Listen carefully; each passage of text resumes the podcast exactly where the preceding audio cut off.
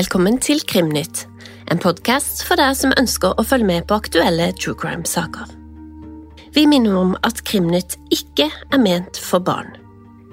Tidligere i Krimnytt så har du hørt om Tyler Shabisnes, som har drept og lemlesta sin egen kjæreste. Du husker kanskje at det var hun som angrep sin egen advokat i retten? Nå har hun ganske forståelig fått seg en ny advokat, og er nå tilbake i retten igjen. Taylor Shabisnes skal ha tilstått å ha halshugd sin kjæreste, for å så kappet av han penisen og seksuelt misbrukt liket. Forsvaret hevder at de grusomme kriminelle handlingene ble begått i mettrus, og Forsvarets advokat Christopher Furlish ønsker at retten skal redusere kausjonen fra 2 millioner til 500 000 dollar. Han sa at klienten var villig til å gå med en GPS-fotlenke. Dette ble avslått av dommer, og forsvarer ble påminnet om at Taylor også hadde hatt fotlenke da han begikk mordene på sin kjæreste Shud Tyrone. Både Tyron og Taylor gikk på Bayport High School, selv om det ikke så ut til at noen av dem fullførte. Tyron, på nå 24, ble beskrevet som en kunstnerisk mann med interesse for musikk og treskjæring. Politirapporter røper nå nye detaljer som er kommet ut om drapet. Chads mor fortalte politiet at Shaw Business hentet Tyrone rundt klokken 21.30 21.2.2022. I anklagen heter det at Shaw Business sa at hun og en uidentifisert venn og Tyrone fikk noe narkotika og dro til Eastman Avenue-leiligheten, der alle tre røykte marihuana. Da vennen dro, injiserte Shaw Business Tyrone og seg selv med antidepressiva Trasadon. På et tidspunkt returnerte Tyler Shabesnes og Tyrone til morens hjem og gikk ned i kjelleren. Tyrones mor sier at de var hos henne hele eller store deler av 22. februar, mens hun selv var ute store deler av dagen. I politirapporten har Tyler forklart at Tyrone fikk to metallkjeder rundt halsen, og det var ikke uvanlig i deres sexlek. Han la seg med ansiktet ned på sengen, og sjabbisene sa at hun ble gal og begynte å kvele han med metallkjeden og stoppet ikke selv om han hostet opp blod og ansiktet ble lilla. Hun uttalte om kvelingen at ja, jeg likte det. Taylor Shabisnes fortsatte å kvele ham helt til han slutta å puste, heter det i anklagen.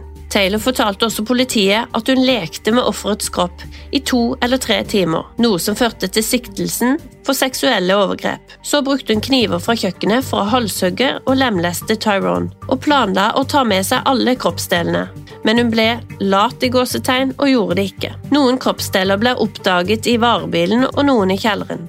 Moren våknet brått av lyden fra en bil natt til 23. februar. Hun gikk ned i kjelleren og oppdaga en bøtte.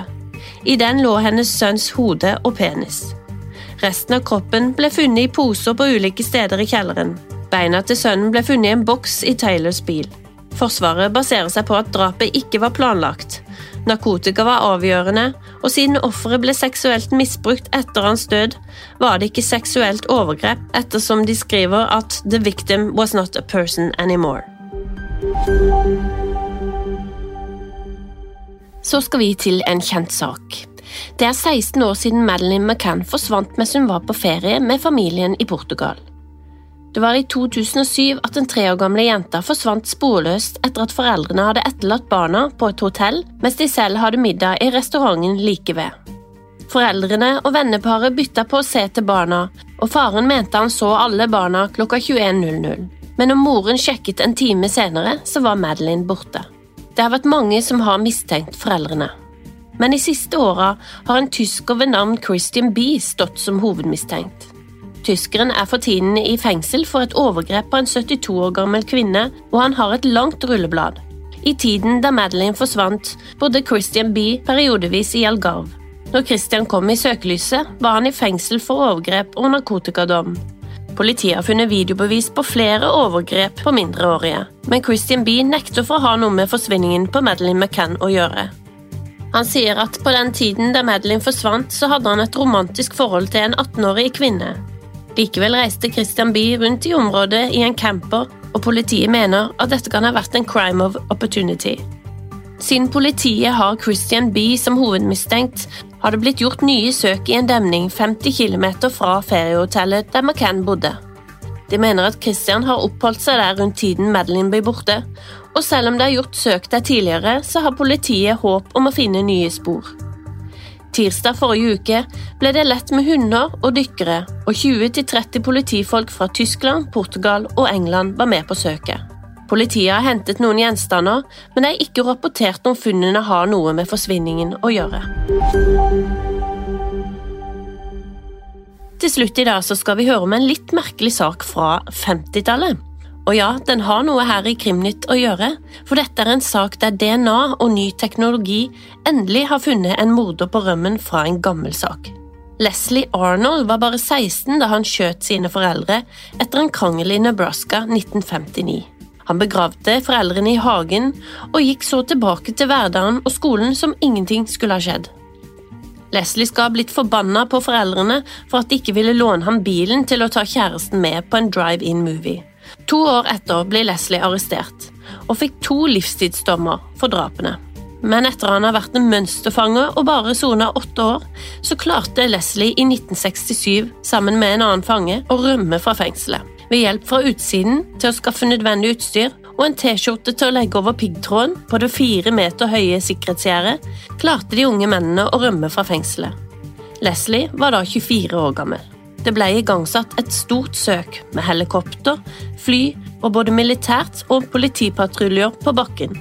Leslie Arnold var og ble sporløst forsvunnet. FBI holdt på med saken til 1990 uten hell.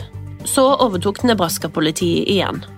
Senere overtok US Marshal Service, og til slutt havna den hos Joff Britain ved det amerikanske forsvarsdepartementet.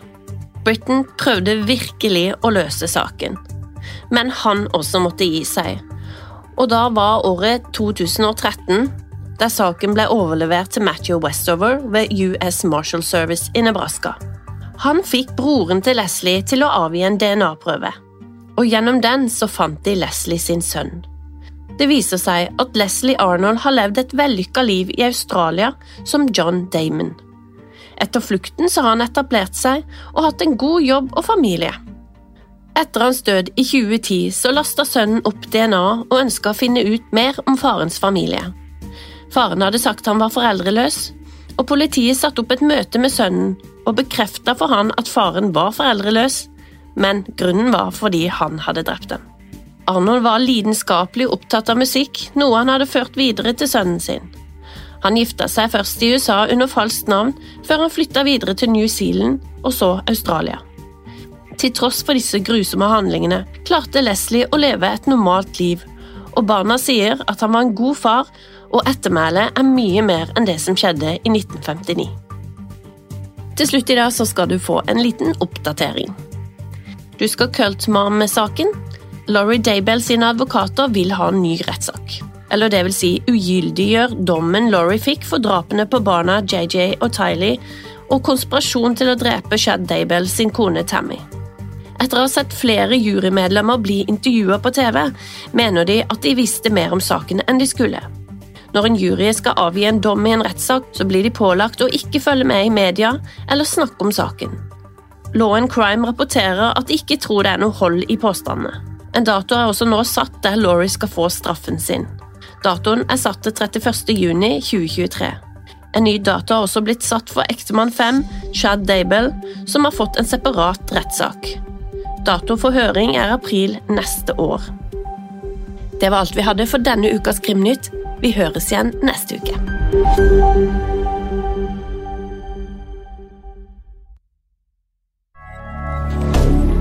moderne media. Har du et enkeltpersonforetak eller en liten bedrift? Da er du sikkert lei av å høre meg snakke om hvor enkelt det er å sende faktura med fiken. Så vi gir oss her, fordi vi liker enkelt. Fiken superenkelt regnskap. Prøv gratis på fiken.no.